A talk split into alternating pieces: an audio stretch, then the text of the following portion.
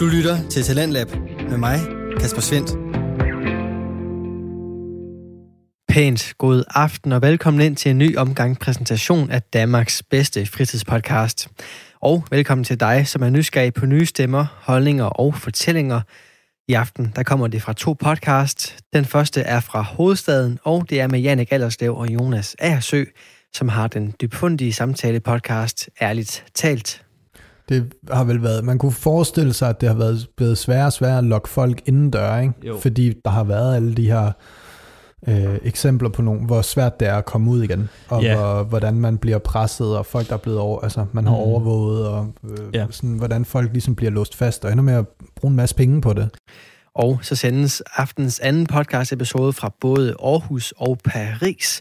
Du skal nemlig høre Kasper Lovén Sønderby og Alexander Kirkegaard Holst Hansen springe ud i kunstens univers og kærlighedens vilde verden med et afsnit fra Æstetisk Kontemplation. Jeg synes, der, der er noget bemærkelsesværdigt i, altså de har jo sådan nogle indledende ord, de veksler med hinanden, sådan nogle høfligheder, mm. ikke? Mm. Og så sætter de sig ned, og der kan man se sådan styrkeforholdet allerede i måden, det beskrives på. Øh, der står, hun, hun satte sig nær ved ham, lagde sin arme på lænestolens armlæn og lænede sig tilbage. Han sad foroverbøjet med hatten på sine knæ.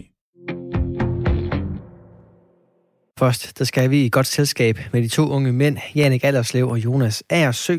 Og du skal her præsenteres for en samtale-podcast, der ikke kun hygger og sørger for et afbræk fra den travle hverdag, men i stedet lykkedes det Jannik og Jonas at få trukket større samfundsemner, religion, litteratur og meget, meget mere ind i deres afsnit.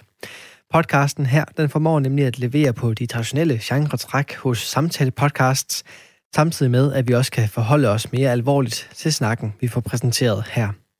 Det giver en enestående og spændende balance af stemning og indhold, som ellers sjældent er til stede i samtale-podcast. Og præcis derfor så er ærligt talt værd at lægge øre til de næste 50 minutter. Her der får du aftens afsnit, hvor jeg skal skynde mig at få sendt et tillykke afsted til Jannik, som også fortæller om, hvorfor dette afsnit 15 har lavet vente på sig. Alright, lad os gøre det. Lad os gøre det. Vi ruller. Gør vi det? Vi er live. I gang. Eller vi er ikke live, det er, jo- det er jo faktisk optaget. Det. Nå ja, ikke særlig langt. Vi er tilbage, mand. Ja, vi er tilbage. Endelig. Jeg har fandme ventet på det her. Ja. Det er også den længste pause, vi har haft i podcasten, siden vi begyndte at udgive det her, tror og jeg. det er lige før, jeg tror også, siden vi begyndte nærmest at sådan lave det. Vi har jo optaget 15-agtige, føler jeg, inden vi begyndte at udgive nogen, Ja, som ingen har hørt. Og nok udover de nærmeste, der er et par andre, der ja, det er rigtigt. Der var lige... Der er i Uh, hvert fald en, der har hørt det. der er en, vi havde en fan før det. Skud ud til Chiki. Men uh, ja, 3, 3. august kan jeg se, at jeg har uh, lagt uh, afsnit 14 op. Ja. Så det betyder også, at det her det er afsnit 15 af podcasten Ærligt Talt med mig, Jannik Alleslev og Jonas Aersø, min gode ven. Og det er jo den her dejlige lille hyggepodcast, hvor vi sidder i, for det meste i Jonas' stue, nogle mm-hmm. gange i dit soveværelse, nogle gange andre steder, og snakker og prøver at ramme en samtale, der både er, hvad skal man sige, uformel og naturlig, autentisk, og så samtidig faktisk ret spændende, og hvor vi prøver at gå i dybden af et eller andet, som vi ikke nødvendigvis ved. Ja, vi Ja. hygger os i hvert fald. Ja. Så vi håber også, at... Det- så håber vi, at lytter. Vi tror på, at hvis vi hygger os, så er det måske også hyggeligt for en håndfuld mennesker derude. Ja, Øhm, det føles så fint. Og der er, jo, øh, der er jo en grund til, at der er gået et stykke tid. Det er ikke, fordi vi er bare nogle dogne hunde. Nej, som øh, den lytter, der i hvert fald også hørt sidste afsnit ved, så øh, er jeg jo blevet far. Eller det var jeg ikke i sidste afsnit. Der snakkede vi om, at jeg skulle til at være far. Mm. Og nu er jeg sgu blevet far til en lille dejlig pige. Kæmpe stort. Ebba. Ja, det er kæmpe. Så øh, hvis jeg lyder lidt træt, så, øh, så er det derfor, at det begynder at være sengetid her kl. 19.46, ikke? det er her, man begynder at tænke, nu, nu rykker Ej, det er faktisk nu, det plejer at være værst. Okay. Men øh, Så den har kæresten bare alene derhjemme. ja, men jeg, var, jeg var sgu god, mand. Jeg fik hende lige til at sove, og så var jeg sådan, jeg smutter. I'm Så, out. ja. Peace. Så men en måned i dag. Ja. Hurra til hende. Tillykke. Mm. Og hurra til os for at have holdt liv Ja, i, uh, i det lille Ja. Achievement. skrøbelige væ- væsen. Achievement Ja, det unlocked one month. Det er fandme sindssygt. Så, så det er jo en ny Jannik jo. Det er, jo- jeg, er jo, Ja. jeg, for nu er, jeg, der, nu, nu er jeg seriøs. Nu er det alvorligt, og jeg spilder ikke min tid på, øh, på useriøse ting. Jeg er blevet voksen. Ja. Det, Det, glæder mig til at ja. se. det glæder jeg mig til at se. Men inden, inden vi går i dybden med det, jeg tænker, Ja. at det kan, det, det kan være, der sikkert er noget, der er sjovt at snakke om i forhold til, at jeg er blevet far. Det er i hvert fald spændende. Øhm, så har jeg fået, øh, ligesom i, i øh, hvad hedder det, Paradise Hotel, så har jeg fået brev. Der kom brev. Det er ikke et rigtigt brev, men jeg har jo før haft noget med i, øh, fra min post, postkasse Ja. i det her program. Kan du huske det? Altså snakker vi om uh, Lasse Cash. Lasse Cash, ja. øh, legenden, der øh, havde en eller anden absurd kryptovaluta. Øh, jeg ved ikke, hvad fanden det var. Jeg var inde på en hjemmeside her i forbindelse, da jeg lige fik det nye her i min postkasse. Øh, den, er, den har ændret lidt format. Har den, men det er stadigvæk Lasses Angels. Ja, ja, det er det, men det, det, der, var ikke så, der var ikke så meget, man kunne klikke rundt i længere. Nu er det bare en blog, hvor at Nå. det mærkelige... Er der ikke videoer stadigvæk, hvor nogle små uh, patrons ude i verden kan lægge video op, og så tjener de Lasse Cash? Altså, det er mest bare en blog nu med trending, hot, new og promoted, og så er der... Men Sikkert. altså, no, der er noget, der er lagt op fra fire dage siden, og for fem dage siden, og for 17 dage siden. Nej, for 17 timer siden. ja, den så er der aktiv. er, den, er, den er aktiv. Men jeg ved ikke, hvordan det fungerer. Men Nej. det her, det er også noget andet. Ja. Det er ikke Lasse Kass den her gang. Nej. Det er, det er til gengæld noget, der er meget bedre, fordi det, vi, vi gik jo lidt i stå i, hvad Lasse Kass han egentlig ville, så vi kunne ikke rigtig... Men det er fordi, jeg ikke er sikker på, at han selv ved, hvad han vil. Ja. Jeg tror bare godt, han kan lide at have sit navn på en valuta. Ja, Og det skal man heller ikke underkende. Nej, Men vi andre står bare lidt uforstående på sidelinjen, og ikke helt forstår, hvad der foregår. Altså, jeg, vil gerne have for 5.000 Lasse Cash. Bare, bare lige have det stående, og så in case... At Altså, du vil gerne smide 5.000 ud af vinduet. Alright. Ja, Jeg tror også ikke, der er meget fremtid i den der. man ved aldrig. Men det her, det, det, her, det, det, her, det er noget andet, fordi det, det er også bare penge, og det Lasse Cash... Fuck det. Det her, der er kommet ind, Mhm. det er vejen til lykke. Okay. okay. Det er jo vigtigere det- end penge. Det er det. Og den er ikke på. Der er, det, jeg har fået en pamflet her. Ja. Øh, det er et, et ark med noget på forsiden, noget på bagsiden. Mhm. Og øh, på forsiden, der er det vejen til lykke. Og det er simpelthen en vejledning til en bedre tilværelse, baseret på sund fornuft. Okay. Så det er... Det tror jeg faktisk lige for, i den her tid, vi har brug for. Fordi verden er jo stor og lav, ikke? Og der er, der er gang i den noget. Der er gang i den. Og ved du hvad? Den, du får det hele serveret Okay, på pamfletten. 21 punkter. det, det er det. Det, er- det er det. Det er Alright. vejen til lykke, du. Fedt. Og det er ikke en, det er ikke en, sådan en trin. Nej. Det er bare 21 leveregler. Mm-hmm. Mm. Sådan tolker jeg det. Mm-hmm. Og så kan du leve godt. Ja. Øh, det pas godt på dig selv. Vær mådeholden. Altså, var det en? pas godt på dig Det selv. er bare en. det er etteren. Det er den. Okay. Jeg ved ikke, om det er kronologisk rækkefølge, men det, er sådan, det, det, kan vi, det kan vi diskutere, når vi går derned af. Okay. Men der er pas godt på dig selv. Den, øh, den tror jeg, de fleste er med på, hvis man gerne vil være lykkelig. Det, der er ikke, det er svært at være lykkelig og være hård ved sig selv i hvert fald. Ja. Vær mådeholden. Vær ikke løsagtig. Det er allerede der. Altså, Det forstår der, jeg ikke. Nej, Løs. Lyst. Det? løsagtig. L-Ø-S-A-G-T-I-G. Jeg slår det lige op her. Mm. Øh, som hviler på et alt for løst eller utilstrækkeligt grundlag. Upålidelig eller uvederhæftig. Upålidelig, tænker jeg måske. Mm. Øh, altså man skal være til at stole på, ikke? Jo, Skal du være kærlig og hjælpsom mod børn? det er, det er godt. Det er meget godt. Ja. Mod voksne? Nej, mod børn. Ja. ja. præcis. Og dyr også måske. Nej. Respekter og hjælp dine forældre, men kun dine forældre. Moster onkel? Next. Søskende. Next. Next. Skal du sætte et godt eksempel? Mm. Det, det giver også god mening. Bestræb dig på at leve i sandhed. Og det er jo så, Okay, det er så her, hvor jeg har brug for nogle underpunkter, tror jeg. nu begynder det at blive lidt mere filosofisk. Mm-hmm. Eller gør det, fordi så kommer der noget meget konkret her. Begå ikke mor. Og det er jo også, altså sådan... Ja, det er jo en gammel kending fra de 10 bud, ikke? jo, præcis. Altså, det og er en der af de jo store. nogle lighedspunkter. Her der har man bare dobblet op, ikke? Jo. Men begå ikke mor. Ja. Altså det, og det tror jeg også, sådan, det, vejen til lykke for de fleste er enige. Ja, men der er men- sikkert nogen derude, Men jeg synes, det er der, godt lige at få det på skrift. Fordi nogle gange, altså, så går man er i tvivl derude, om skal man det der mor, eller skal, er det ikke noget for en? Præcis. Og så synes jeg, det er godt lige Jeg at... vil, vil det ikke gøre mig glæder, hvis... Ja. Ja. Altså lidt ligesom øh, den klassiske med ham der med dansk øh, industrihuen i YouTube-klippet der, der, øh, der øh, han har været træls i en længere periode. Ja. Der sådan, da han bliver spurgt, om han ville gøre det igen. Ah. Måske. Måske. Så, altså, ja, han havde ikke læst nummer. nej. Men øh, så er der nieren. Hvis nu man skulle være i tvivl, så skal du må heller ikke gøre noget ulovligt. og det kan jeg godt lide, at man sådan... Ja, Man, man har gerne vil have en mange punkter på den her liste. men det er også som om, at, at, at okay, hvis det er et punkt, så er det som om, at filosofien er alligevel ikke større end det lands øh, lov, som er vedsat. Øh, vedhæftet, eller vedtaget, ikke? Nej, nej, så lad os sige, at du bor i et Ah, land ja. som øh, øh, Nordkorea. Ja. Så alt du ikke må der, det bør du heller ikke gøre for at få lykke. Nej. Så faktisk så er det sådan meget indskrænkende i forhold til, ja. hvor du bor. Så hvis det var, hvis, lad os sige, der var et land derude, hvor det var okay at slå ihjel, så får du både 8'eren her, det må du ikke. Selvom Mm. det er lovligt, så må du ikke gøre det, fordi så kan du ikke blive lykkelig. Og du må heller ikke gøre noget ulovligt. Men vi må gå ud fra, at den her pamflet er det, den ultimative sandhed, så den trumfer måske lovene i et land, hvis den udspecificerer, Ja. men hvis den ikke gør, så er det ligesom den, vi skal forholde os til. Og der kommer vi til tieren faktisk. Okay. Fordi der står, at du skal støtte en regering, der har som mål at regere til gavn for hele folket. Og der kan man jo sige igen, Mm. hvis du begår mor, så er det ikke hele folket. Medmindre det er en, der ikke er statsborger. Men, det, og det er ikke noget, jeg opfordrer til her. Det er bare Det er jo bare en... en Ja. tolkning af de 10 bud. Eller Jeg, jeg, 21. prøv, at, prøv at læse den igen. Støt en regering, der har som mål at regere til gavn for hele folket. Mm. Øhm, Så vi skal ikke have lobbyister og ting og sager ind. Nej. På den måde bor vi jo i et, et meget godt land. Jeg tror, at Danmark ligger nummer top 3 på antikorrupt Ja. listen. Jo, og det, der, der er jo også et eller andet, der er jo noget, øh, noget godt velfærdstanke i det her, tænker jeg, og Ja. noget, næste, det lyder jo næsten socialistisk, socialistisk ikke? Jo. Så det er bare lidt med at finde, finde hoved og hale i, hvad det er for en regering. Fordi man ved ikke helt, hvad folk ja. render og laver. Nå. skal du ikke skade en person af god vilje? Men, men er ond vilje er ok. ja, det gør, men det er bare, du ikke slår ham ihjel. du gerne trampe med ansigtet, lige indtil han dør. Okay. øh, beskyt dine omgivelser og gør dem bedre. Den, Så må du heller ikke stjæle. Nå, den er der også. Ja, ja, de fordi, stjæler igen. Eller, igen, altså, de du må- stjæler jo fra de 10 bud igen der.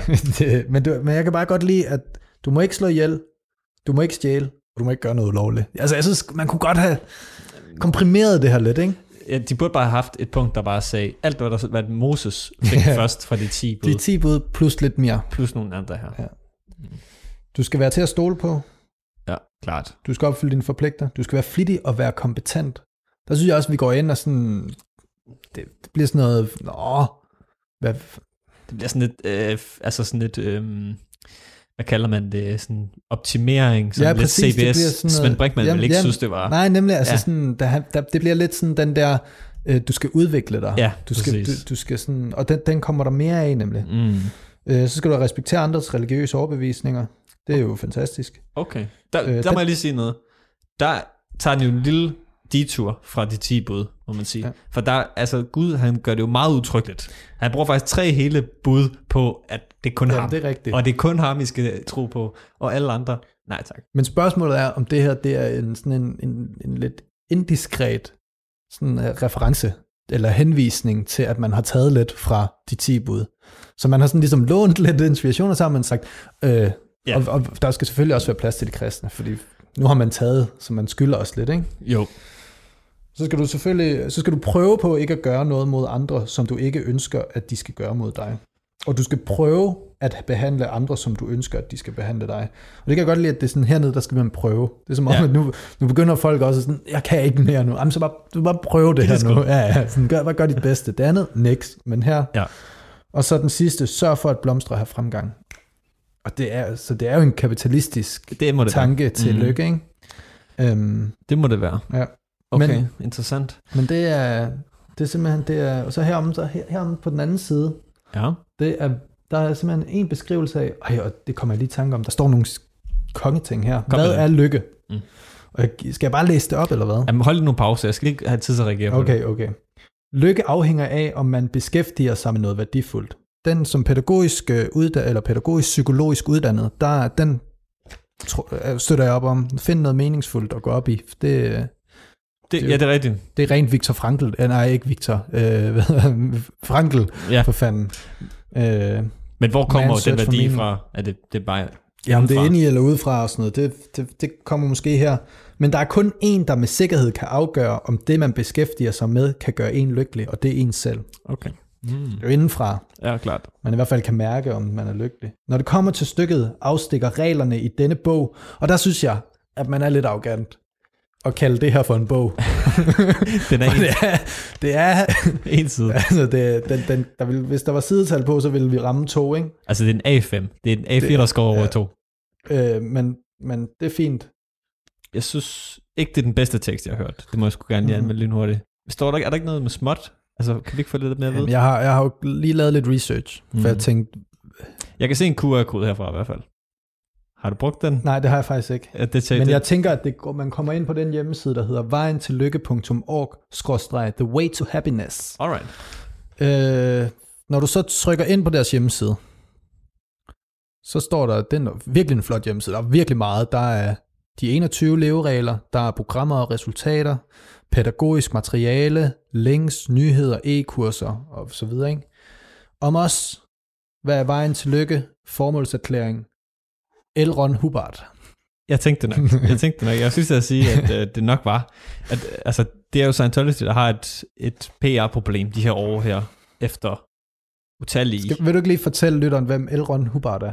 L. Ron Hubbard var øh, stifteren, øh, oprindeligt en sci-fi forfatter, som skrev utallige øh, dårlige sci-fi historier. Jeg tror faktisk, han er den mest publicerede sci-fi forfatter mm. nogensinde. Han, han skrev seriøst bare ud i et væk sci-fi historier. Øhm, og f- han havde et skattevæsenet af helvede til. Og så fandt han ud af, at hvis man startede en religion, så kunne man skrive sit nonsense, men uden at skulle betale skat af det, fordi det kan religionerne med. Så han opfandt uh, Scientology gennem sådan noget lommepsykologisk øh, uh, 70'er something, som var lidt psykoanalyse, men blandet med hans egen mærkelige idéer. Og jeg tror også langt hen ad vejen, det var en eller anden form for selvterapi, han, fordi han var et mærkeligt menneske. Så han startede Scientology, og så, øhm, dengang var det jo fedt. Scientology, man, sygt fedt. Men så lige de sidste 10 år har der været lidt et PR-problem, fordi der har været for eksempel den fantastiske dokumentar, øh, som hedder øhm, Going Clear, Going Clear, ja. Going Clear, den skal I lige tage og se, hvis I kan se den. Fantastisk. Men de, de har lukket sig lidt om sig selv de sidste par år, fordi de har sgu ikke haft det skide fedt. Du lytter til Radio 4. Du er tunet ind på Radio 4's program Talent Lab, som præsenterer dig for Danske Fritidspodcast. De deler nye stemmer, holdninger og fortællinger, og her med aftens første episode er det fra samtale-podcasten Ærligt Talt med de to værter, Jonas Aersø og Jannik Allerslev. Den episode vender vi tilbage til her. Det har vel været, man kunne forestille sig, at det har været blevet sværere og sværere at lokke folk indendør, ikke? Jo. Fordi der har været alle de her øh, eksempler på nogle, hvor svært det er at komme ud igen, og Ja. hvor, hvordan man bliver presset, og folk, der er blevet over, altså man har Mm. overvåget, og øh, Ja. sådan, hvordan folk ligesom bliver låst fast, og ender med at bruge en masse penge på det.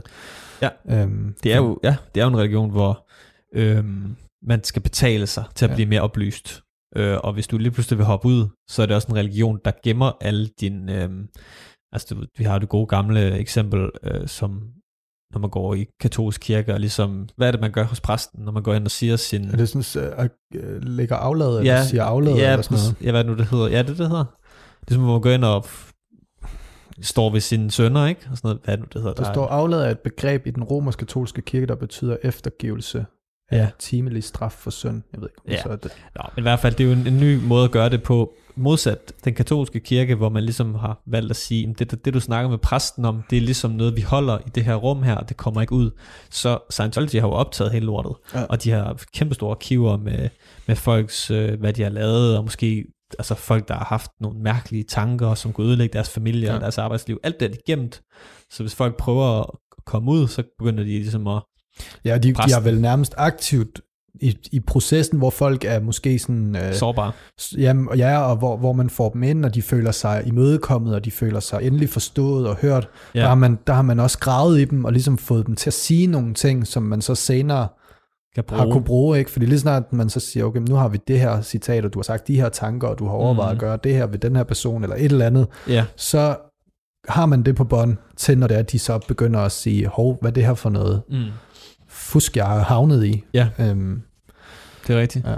Det, det, jeg synes, Scientology er interessant, fordi øhm, den er så absurd i forhold til mm, altså grundlæggeren ja. Øh, Hubbard der, som var mærkelig, og du ved, det, det er nogle mærkelige regler, og det er en, det er en mærkelig sådan, bare en mærkelig religion i det hele taget. Øhm, men jeg synes, den er interessant, fordi det er sådan en meget ny religion. Ja.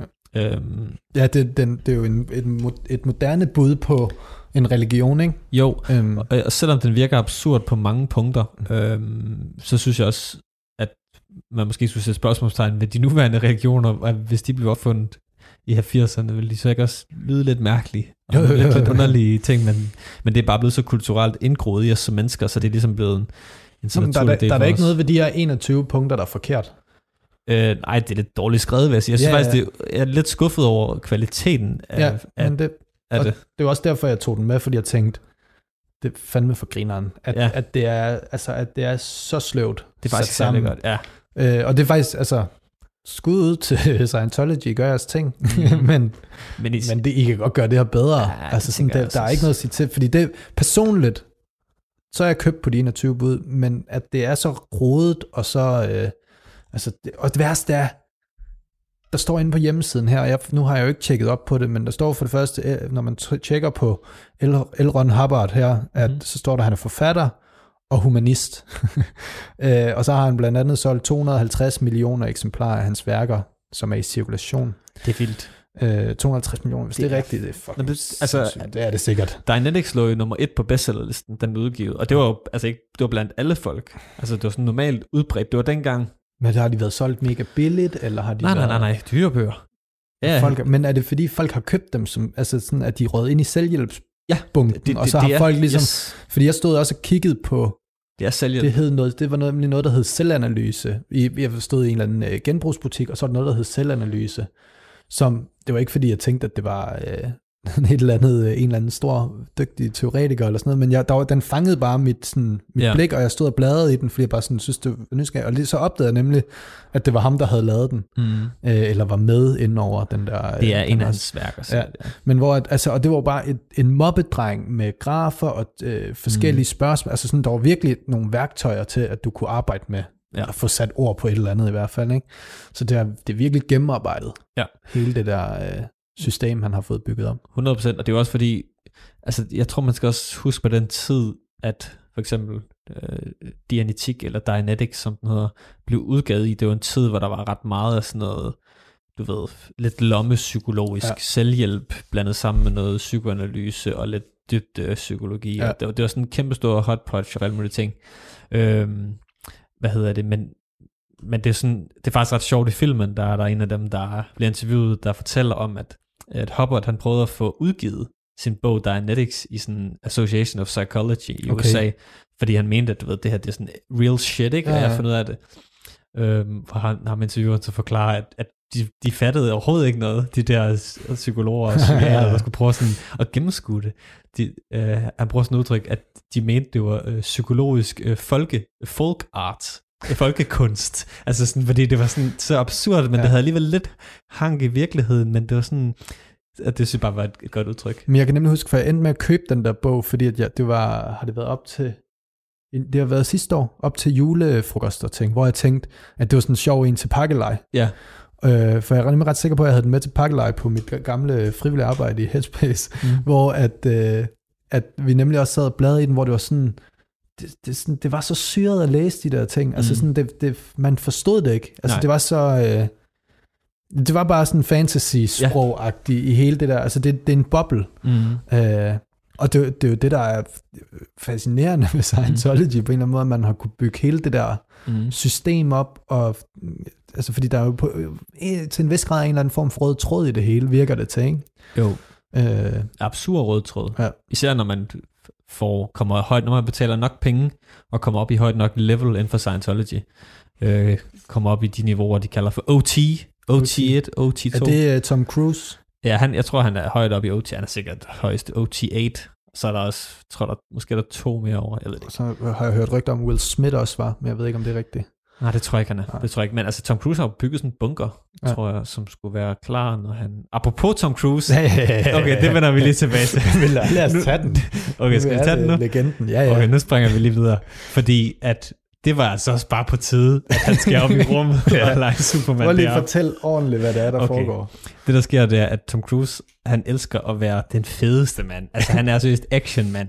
Og han har jo lavet alt muligt. Han har øh, fløjet på, øh, hængt på siden af fly, han har kravlet på verdens højeste hus, han har hoppet ud for broer, han har... Og det er, det, det er ting, der er i filmene, men han laver han det gør selv. det ægte. Og Han det gør bliver, det ægte. Ja, og det bliver sådan en kæmpe stunt piece ja. i hver af hans øh, film, hvor folk er ligesom sådan, vi skal ind og se den nye Mission Impossible film, fordi Tom Cruise har ægte hængt på siden af den her bygning ja. og Ja. lavet stunten selv. Og hatten af for det, fordi han gør det faktisk, ja. han er sindssyg. Men han er, han er crazy. Også i den nye Top Gun film, som jeg ikke tror er kommet endnu, der har han lært at flyve de her kampfly, ja. jeg tror, jeg ved ikke om det er F-22 Hornet, ægte. Altså Tom Cruise, en skuespiller, mm. flyver og letter et øh, en amerikansk øh, jægerfly fra et hangarskib. Altså i virkeligheden. Sindssygt. Prøv at overveje det. Det er fucking sindssygt. Så, Jeg så lige, så hatten af jeg, jeg så lige Top Gun her for et par dage siden. jeg har den gamle. Ja, Ja. jeg havde ikke set den før. Fuck, den er god. Ja, jeg synes, den er, Ja, ja, den er fucking konge, mand. ja, det er det. Han er en legende. Han er sådan en fucking action mand. Altså, Men hvor skal han hen nu? jamen nu, hvad gør man efter man har altså, lettet et kampfly fra et øh, hangarskib? Der er kun én ting, der kan toppe det, og det er ud i rummet. Så, Så. Altså sådan, sådan, sådan på den der Matt Damon, øh, Ja. George Clooney måde, eller Udover at når Matt Damon og Josh Clooney står i et øh, studie i Kalifornien, så skal Tom Cruise ægte ud i rummet. Okay, så det er ikke green screen Nej, det, rummet. nu tager vi ægte derud med en rumraket, eksplosion, kæmpe eksplosion, kontrolleret eksplosion, og så skal han derop, og så skal alle bare se, hvor kæmpe sej han er. og, hvor, og, hvor, og han er ikke en lav mand, han er kæmpe stor. Men er det, er det russerne, eller hvordan? Nej, jeg tror faktisk, at øh, jeg har faktisk ikke læst de specifikke ting, men jeg tror, at det er øh, noget med noget SpaceX og sådan noget. Er det ikke det? Jo, det er NASA og SpaceX, der er gået sammen om at få det til at ske, vist. Ja, men man skal også huske, at Tom Cruise er en mand, der har øh, kæmpe store øh, altså penge bag sig. Ja. Mange af hans øh, film efter, altså lige siden, igennem det startede nullerne, begyndte han at producere Altså fra selv. Mission Impossible 1 til Mission Impossible 257. Ja, syv eller hvad det nu til. Altså i starten, der var Tom Cruise bare en skuespiller, som blev hyret til job, og fik selvfølgelig kæmpe løn, ja. det er klart. Men nu er han gået til, at han, hans eget produktionsselskab også, altså han, han finansierer rigtig meget af de her film, så det er sådan selvfinansierede. Okay. projekter. Ja. Og For det er, at få det... for at få det gjort. Ja. Og, det, og det betyder også, at han har en kæmpe stor magt, fordi der ikke sidder alle mulige Mm. øh, topchef og, og har alle mulige holdninger om, hvordan skal det ind og være. Det er bare sådan, Tom Cruise betaler, Tom Cruise bestemmer. Og sådan er det. Og hvis han har lyst til, at han skal ud i rummet, så skal han fucking ud i rummet. Og der er ikke nogen, der skal komme og fortælle ham, at han ikke kan gøre det. For det kan han. Og han er styrtende rig. Fordi han, at de film, han laver, tjener jo mange penge. Fordi det er jo, det er jo altså gode film, ikke? Så det, Altså, jeg synes, det er så fascinerende i en verden, hvor at man går og sammenligner sig med naboen og øh, sine klassekammerater og sådan noget, og tænker, ej, hun er bare pænere, og hun er, ej, ham der, han er bare så meget dygtigere. At der findes mennesker som Tom Cruise, fordi, nu ved jeg ikke med jer andre, jeg der lytter til, hvordan I sådan lever jeres dagligdag. Min, den er, jeg lever ikke i den samme verden som Tom Cruise. Nej. Altså, det gør jeg ikke. Jeg tror at ikke en eneste dag har bare mindet en mikrodel om hans, udover at vi begge to skider og spiser, og jeg er t- tvivl om, han gør nogle af delene. ja, angiveligt. altså det er øh, sådan de der mennesker, der er bygget af noget helt andet. Altså ja. hvis, der er, hvis der findes aliens, så tror jeg allerede, de er blandt os. Mm. Og Mm. jeg tror, det er nogle af de der superhumans der, der bare... Mm. Fordi det er som om, der er, det, det, det, er noget, det er noget andet, der foregår inde i hovedet på ham, når han Ja. står op om morgenen, Mm. end det er ved os andre, hvor Mm. mm. vi, sådan, vi er så fyldt op af bekymringer og ting og sager, sådan, ah, er vi gode nok? Det tror jeg ikke, han spørger sig selv om. Nej, nej. Det tror jeg, og jeg tror nærmest aldrig, han har spurgt sig selv, om han var god nok. Jeg Mm. tror bare, han sådan, Men jeg tror, at ubevidst, der ligger et kommentarspor i den retning, og jeg tror, at alt det, kan han godt så være. udfører Ja, i den virkelige verden, er en måde ja. at overbevise sig selv om, at selvfølgelig er han fed. ja, det han er, kan godt være. Jo, han er det, kæmpe fed. det, og spørgsmålet, men spørgsmålet er, om han, han er mere sådan, det, Altså- efter, altså, det vi burde stræbe efter, om, altså om hans mindset, det tænker jeg tit om dem der, der sådan lever sådan meget øh, ekscentriske liv og sådan noget, om deres mindset på mange måder er efterstræbelsesværdigt, eller om, det, om de er endnu mere tynget op af ego og, øh, og de der ting. Det, det tror jeg faktisk, og jeg, jeg synes, øh, man skal huske på, jeg tror, Tom Cruise, han er sindssygt dygtig til det, han gør. Altså, han spiller altid den samme rolle. Han spiller Tom Cruise i som Tom Cruise, men... Øhm, Det er vel også lidt, altså han er jo nærmest bare Tom Cruise Stuntman. Jamen, han er jo også Tom Cruise, bare med et andet navn tit i sin film på mange måder. Jamen, ikke? det er han. Der er lidt Nicolas Cage over ham også, i den der forstand, at de sådan, det, det, det er ham, man gerne vil se. Mm. Og så er det egentlig lidt ligegyldigt, om han har den her hat eller den her hat på. Og kæft, jeg tror, det bliver spændende at følge med på sidelinjen, og, og jeg er faktisk ret spændt på det der med at filme en film ud i rummet i virkeligheden. Fordi vi har jo set film som Gravity og Interstellar og hvad det ellers hedder, som har formået at skabe en meget, meget virkelighedsnær øh, portrættering af Mm. rummet. Men at ligesom se nogen, der filmer derude ægte, tror jeg vil være ret interessant. For at ligesom sidde og se det i en biograf, tror jeg vil være ret overvældende faktisk. Fordi bare hvis man ser øh, sådan rigtige optagelser fra øh, rumstationen, de har haft Mm. Kæmpestore Ja, ja, ja. ja. kamera op og filmede ja. de flotteste 4K-video fra rumstationen. Det bare, ser vanvittigt ud. da, da øh, Elon Musk sendte den der øh, bil op i rummet, Ja, og da Alex, hvad hed han, Baumgartner, ja. øh, og det var ikke engang, fordi han var så højt op Nej, igen, højt. men, men bare det at se jorden fra den højde, Mm. og se øh, Mm. altså sådan den måde rummet er på, altså der er bare noget sindssygt ved det. Ja, øh, er der. så det at vide, at de her kameraer og de her mennesker rigtig har været derude Mm. for at filme det, det er Jamen, jeg tror, det bliver en, en vild oplevelse, og det er også øh, vildt nok, fordi der er også nogle fotografer, der skal med op og filme det der. Det må da være den vildeste oplevelse. Og så er det jo et interessant spørgsmål, som, altså, det der hvorfor. Mm. Jeg Mm. kan huske min, øh, nogle samtaler, jeg har haft med min mor omkring øh, Elon Musk og øh, alt det der rumhalløj, han har gang i der. Hvorfor lægger man ikke de kræfter på jorden? mm. Det er hendes holdning, og det, er sådan, det giver ikke nogen mening mm. at bruge så mange penge og så mange kræfter på noget derude, og noget, der er så langt ude i fremtiden, i stedet for at redde de mennesker, der sulter i Afrika nu og her. Og, sådan noget. Mm. og det synes jeg er rigtig gode pointer øh, til en vis grad, hvor at og det er jo så igen Elon, Musk, hvad er han for et type menneske. De vil, han vil helt sikkert køre en uh, Jeff Bezos og pakke det ind i, uh, at det, der er noget humanitært i det, og at det er et, uh, til et fælles uh, større formål, at han gør det. Det er jeg ikke sikker på, at det er det, der driver ham i dagligdagen.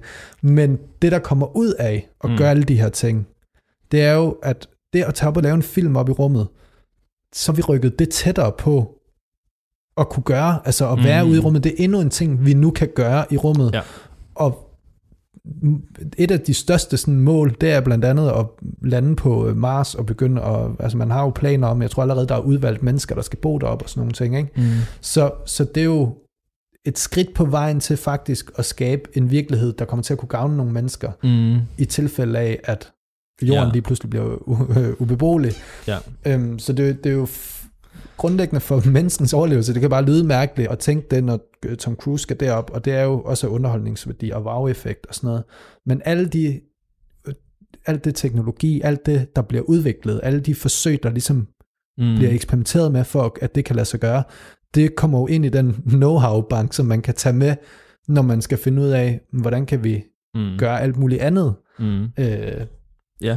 Altså det her med, at man snakker om, at man skal have nogle mennesker op og bo på Mars, det betyder, at man skal finde en måde, man kan dyrke grøntsager på rimelig begrænset omfang, inde i nogle tætlukkede øh, sådan mm. Mhm. nogle ting. Det er jo viden, alt den der teknologi, hvordan vil vi kunne leve derop, hvordan vil vi kunne have en dagligdag på Mars, den kan jo gå hen og blive aktuel i et land. Nu har vi corona lige nu, hvor vi alle sammen skal gå og være pakket ind nærmest. Altså hvis man havde en god opfindelse af en eller anden form for boble, vi kunne gå rundt i hver især, mm. så vi kunne undgå at være i kontakt med hinanden, så ville vi jo gøre det.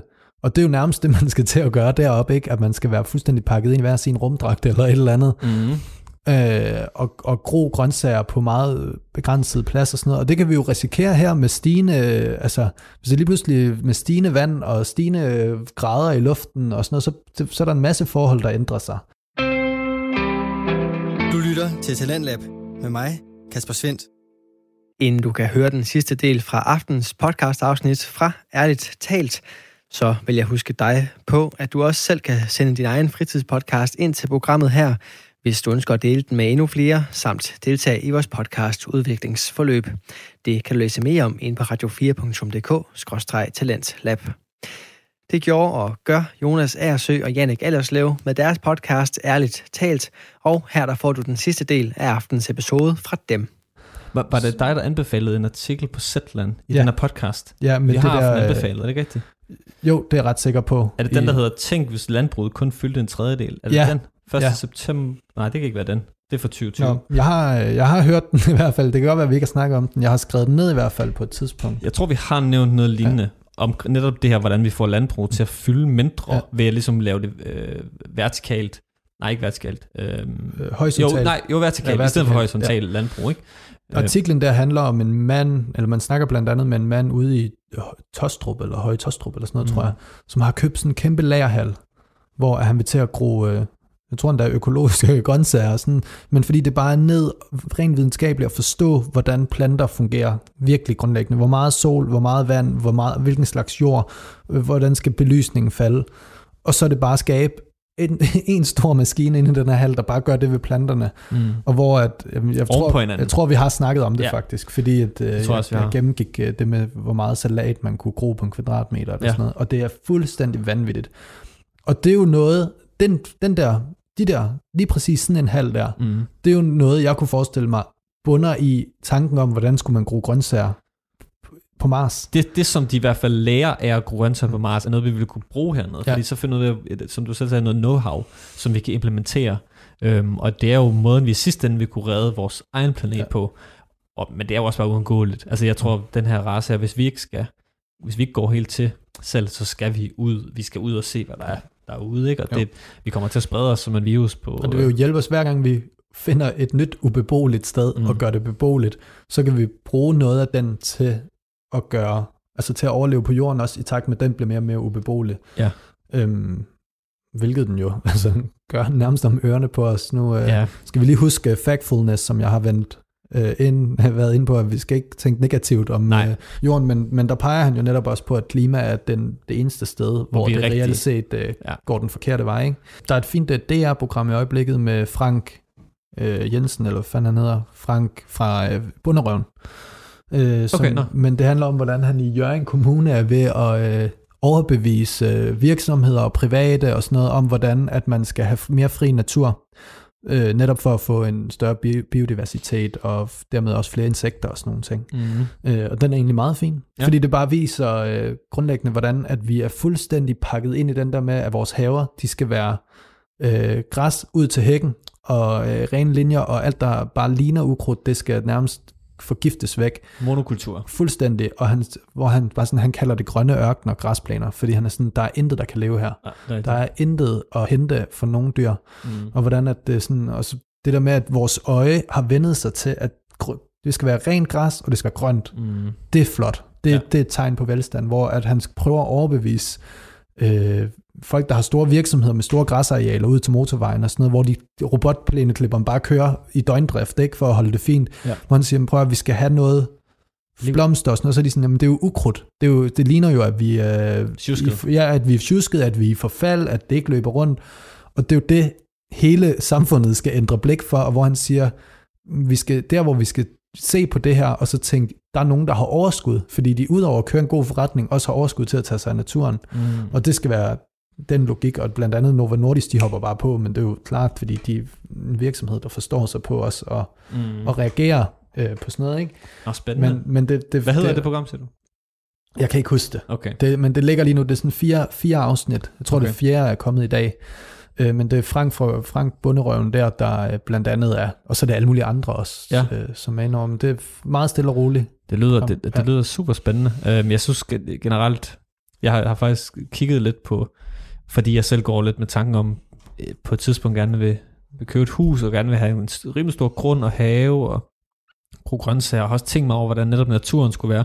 Og også kommet frem til, at jeg ikke skal have, måske skal der være en, et lille plads, hvor der er bare græsplæne, men, men størstedelen af min have skal være en meget mere, altså sådan vild bevoksning, og, og så er jeg faldet ind i det begreb, som hedder øh, permakultur, Ja. øh, som jeg har læst lidt op på, og sådan noget, som er en filosofi inden for, øh, for måden at, hvad hedder det, grus afgrøder og sådan noget på, hvor man arbejder med, at du konstant har ligesom, at der er liv, du har ikke, mm. Ligesom, du gror ikke ned, og så høster hele lortet, Ja. og du, alle de ting. Øhm, og jeg kan anbefale, hvis nogen der ikke har set den, øhm, Kiss the Ground hedder den vist på øhm, Netflix. Øhm, super god film. Altså, det Kiss the ground. Kiss the Ground hedder den. Øh, den er fuldstændig fantastisk. Den burde være øh, pensum på alle skoler og på alle virksomheder. Altså, det mener jeg dybt seriøst, fordi det er en helt, øh, altså, en helt ny måde at forstå øh, landbrug på, først og fremmest, hvor den måde, vi forstår landbrug på i dag, er bare en måde, der ikke gavner hverken for vores øh, produktion, altså de, det, vi- de afgrøder, vi får ud af det sidste ende, og det dræber biodiversiteten, og så er det også øh, dårligere for klimaet. Den mm. Har sådan en klimavinkel, den her film, hvor de snakker ja. Om, at, at det er det, der hedder et downtake, tror jeg. Down et eller andet.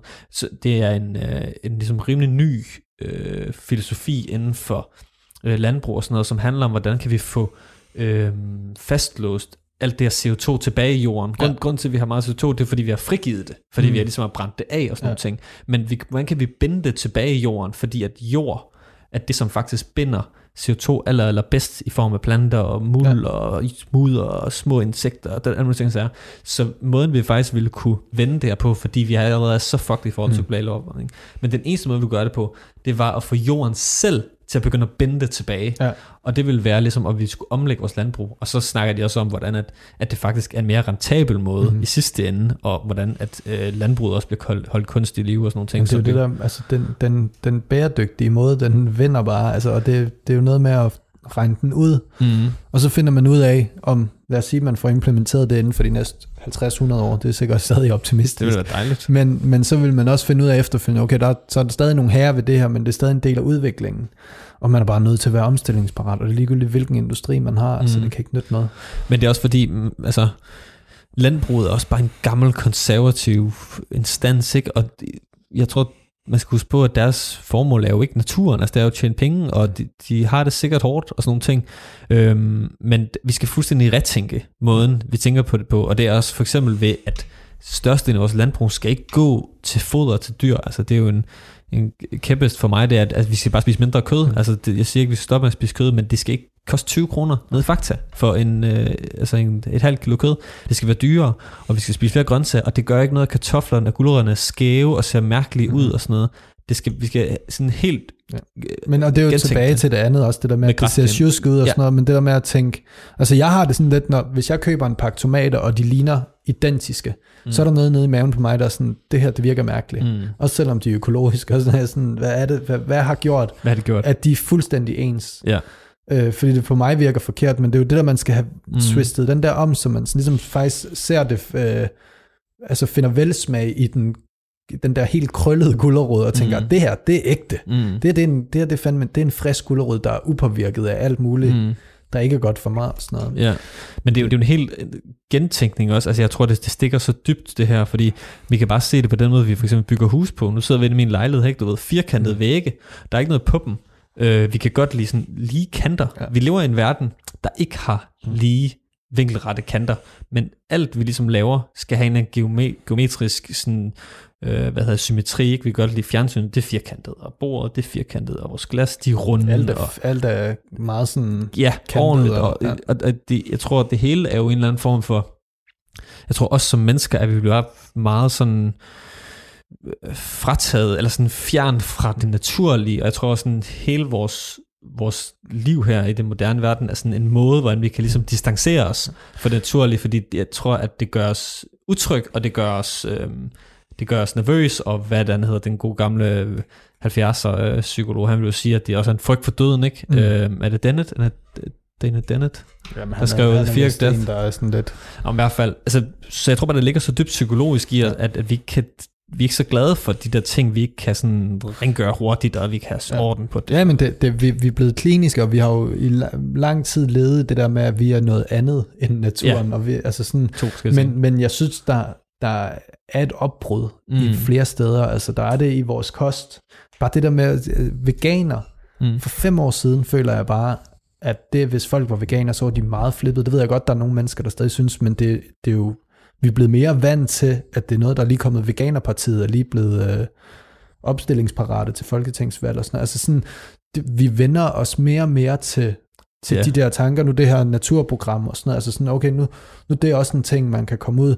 Øh, genbrug, genbrug af mm. tøj, genbrug af møbler. Det er blevet fedt. Altså, det, det er blevet fedt, og jeg kan ikke forestille mig, at det bæredygtige valg går hen og bliver ufedt. Nej. Der skal med noget lobbyarbejde til at gøre mm. det bæredygtige valg, eller det, sådan, det, det, det samfundsmæssigt fornuftige valg, øh, usekset. usekset. Ja. Altså, og det der med, at altså, der, der er meget mere personlighed i det også, og sådan noget at gøre det der med, at jeg laver mad af nogle råvarer, jeg selv har groet. Mm. Jeg laver, jeg øh, genbruger det her tøj, jeg har selv syet det her tøj måske mm. endda. Jeg har købt de her møbler på, rundt omkring på loppemarkedet og på DBA. Det gør mit hjem meget mere spændende, mm. end at træde ind i det der fucking øh, Ikea. Øh, Ikea-bolig af hjem, ikke? Mm. Så, så jeg tror egentlig også, at det handler om, at vi skal vende os til det, og så finder vi ud af, at det er et meget rart sted at være. Mm i alt det der, øh, fordi at det, er sådan, det, det, det er lettere at hvile i, mm. i stedet for at det hele det skal være klinisk poleret og sådan noget. Mm. Øhm, jeg håber, du har ret, og det er ikke bare en trend. Jeg kan ikke forestille mig, at det kun er en trend, fordi Det, det er bare den nye kapita- kapitalisme-logik, hvor vi Mm. måler hinanden i, altså der går konkurrence i det, og det kan vi altid snakke om, det er usundt, men fandme hellere i, altså sådan, Mm. mm. vi udskammer altid hinanden, men hellere det, end at det ikke er et BO-anlæg, og øh, de, de nyeste, det og det og det, der står på hylden og sådan noget. Så hellere, at det er, at hey, Mm. at man shamer lidt der, hvor folk de sådan, Bruger for meget, Ja, du- eller... du behøver måske ikke det Ja. her. Mhm. Du behøver ikke nyt iPhone hver halve år. Nej. Altså sådan, øhm, Ja. Jeg har lige en anbefaling. Ja. Som måske er lidt snæver, Kom med den, der er plads til det her. men øh, jeg er jo nybagt far. Vi har faktisk ikke fået snakket så meget om det. Nej, Øh, men det er fint. Det, øh, det er jeg sikker på, at vi kommer til at tale om Det- i det er fremtiden. Det er nok et emne. Øhm, men øh, jeg læste en bog. Jeg har tidligere haft en, en anden bog af øh, Chimamanda Ngozi Adichie, som er en øh, kvinde, øh, amerikansk, nigeriansk kvinde, øh, som vist er, hvis jeg husker rigtigt, er vokset øh, op i Nigeria, men flyttet til USA som syvårig eller sådan noget. Øh, og hun er sådan meget feminist, og har skrevet en, øh, en lille bog, tykkere end den her pamflet, Okay. men det er ikke særlig tyk. Du kan se, at jeg har en af dem her. Mhm. Øh, hun har skrevet en bog, der hedder Vi burde alle være feminister, som er sådan et rigtig fint lille øh, manifest i forhold til, hvis man gerne vil øh, få nogle, en god forståelse af, hvad feminisme er, synes Mhm. jeg. Altså det er sådan, det, det, der, det, er en, det er en forståelse, jeg kan tilslutte mig. Og det er sådan, det, det kan jeg være med på, det, og det giver mening.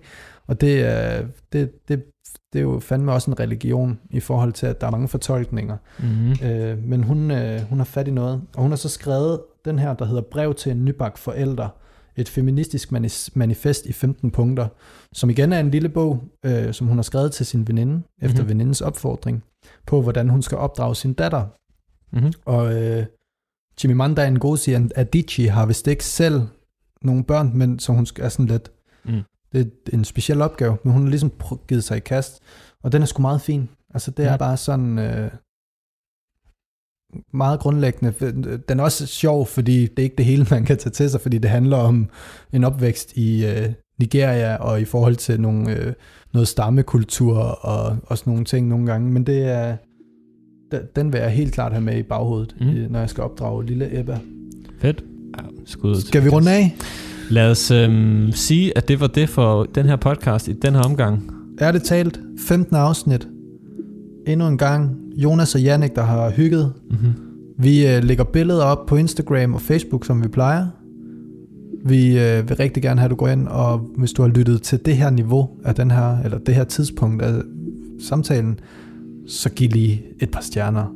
Ja, Bare kom nu lige. og en lille kommentar ind på iTunes også. og en Det er dejligt, anmeldelse. fordi vi, øh, det får os fremad i Yes. bussen. Præcis. Så øh, endelig, endelig, endelig. Vi er glade for, at du lytter med, og øh, vi ses Radio 4 taler med Danmark. Her var det afslutningen på aftenens episode fra Jannik Allerslev og Jonas Aersø og deres podcast Ærligt Talt. Og som jeg sagde i begyndelsen af denne time af Talent, og som jeg sagde i begyndelsen af denne time af Talent Lab, så lykkedes det de to værter at præsentere en snak, der både emmer af stemning og af indhold. Og derfor der er denne samtale-podcast ret så spændende at høre afsnit fra, både fordi jeg kan tage et afbræk fra hverdagen, og så samtidig få noget at gruble over. Der er 14 tidligere afsnit fra de to unge mænd, og dem kan du finde på diverse podcast-platforme, eller finde tidligere Talentlab afsnit med og uden ærligt talt inde på radio4.dk eller i vores Radio 4-app. Og derinde, der kan du også finde tidligere Talentlab udsendelser med aftens næste podcast. Her der har jeg nemlig fornøjelsen af at præsentere dig for et afsnit fra Æstetisk Kontemplation. Den består af Alexander Kirkegaard Holst Hansen og Kasper Lovén Sønderby, der nørder og forelsker sig i kunstens univers. Der i aften byder på anden del af Thomas Manns novelle, Der Kleine Herr Friedemann, og kærligheden er indtrådt både i novellen og i programmet, der både bliver sendt fra Aarhus Studenter Radios studie og hele vejen fra Paris. Her der får du den første lille del af det afsnit, der begynder med en sang fra PJ Harvey.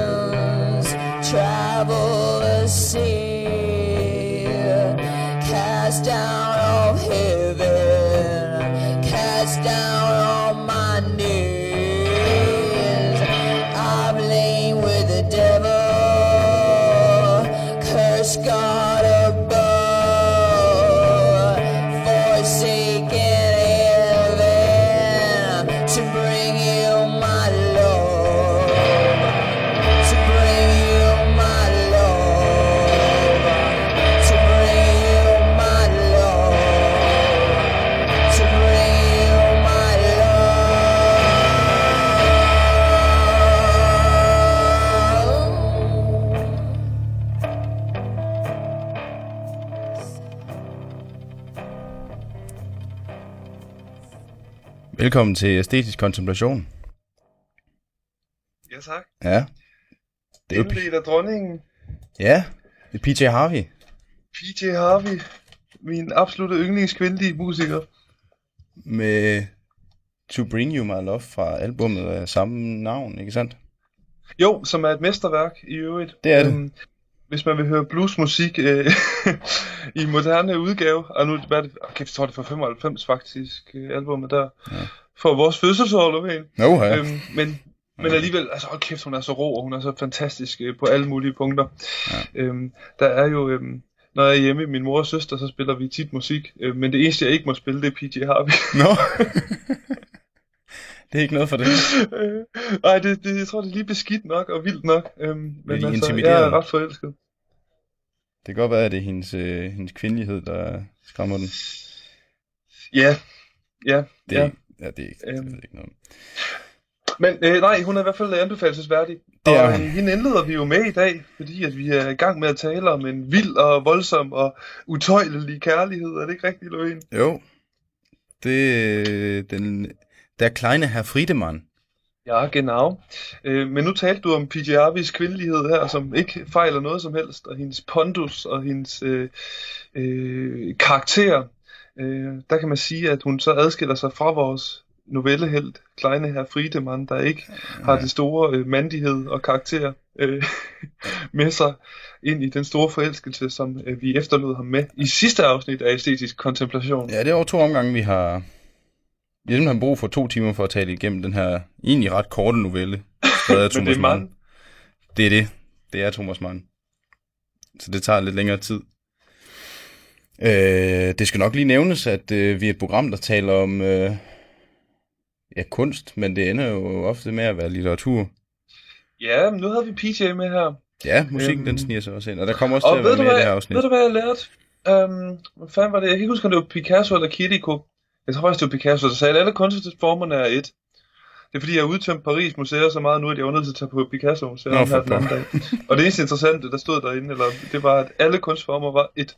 Ja. Jeg er jo ikke den store fan af Picasso, du ved. Nej, jeg ved heller ikke helt, om det er rigtigt, når øh, over et, altså, et, et medie, der kun er på lyd. Nej, men det siger Picasso, han har malet Guernica. kan. og alle mulige andre mennesker med firkantede hænder og sådan noget. Ja. Han kunne godt være offer for Thomas Bernhards øh, kritik, der i, hvad hedder den gamle mestre med, at der ikke er nogen, der kan male hænder. Ja, ja. ja, den ville han nok falde på. Picasso han slet ikke forsøgt, men lad, lad nu det ligge. Og Holst, vi har jo genoplevet en gammel tradition her i æstetisk kontemplation, at vi har, Ja, øh, det har vi der. vi har, øh, lidt, vi har fået lidt alkohol på bordet. Ja, vi får en lille shoes, ikke? Jo. Vi er jo i hver sin, øh, du er, i- du er i Frankrig, og jeg Ja. står her i studiet i Aarhus. Ja, og det er blevet efterår. Ja, men du har, du, du har en flaske rødvin. Jeg har en plads på Gonje, ja, det er Ja. rigtigt.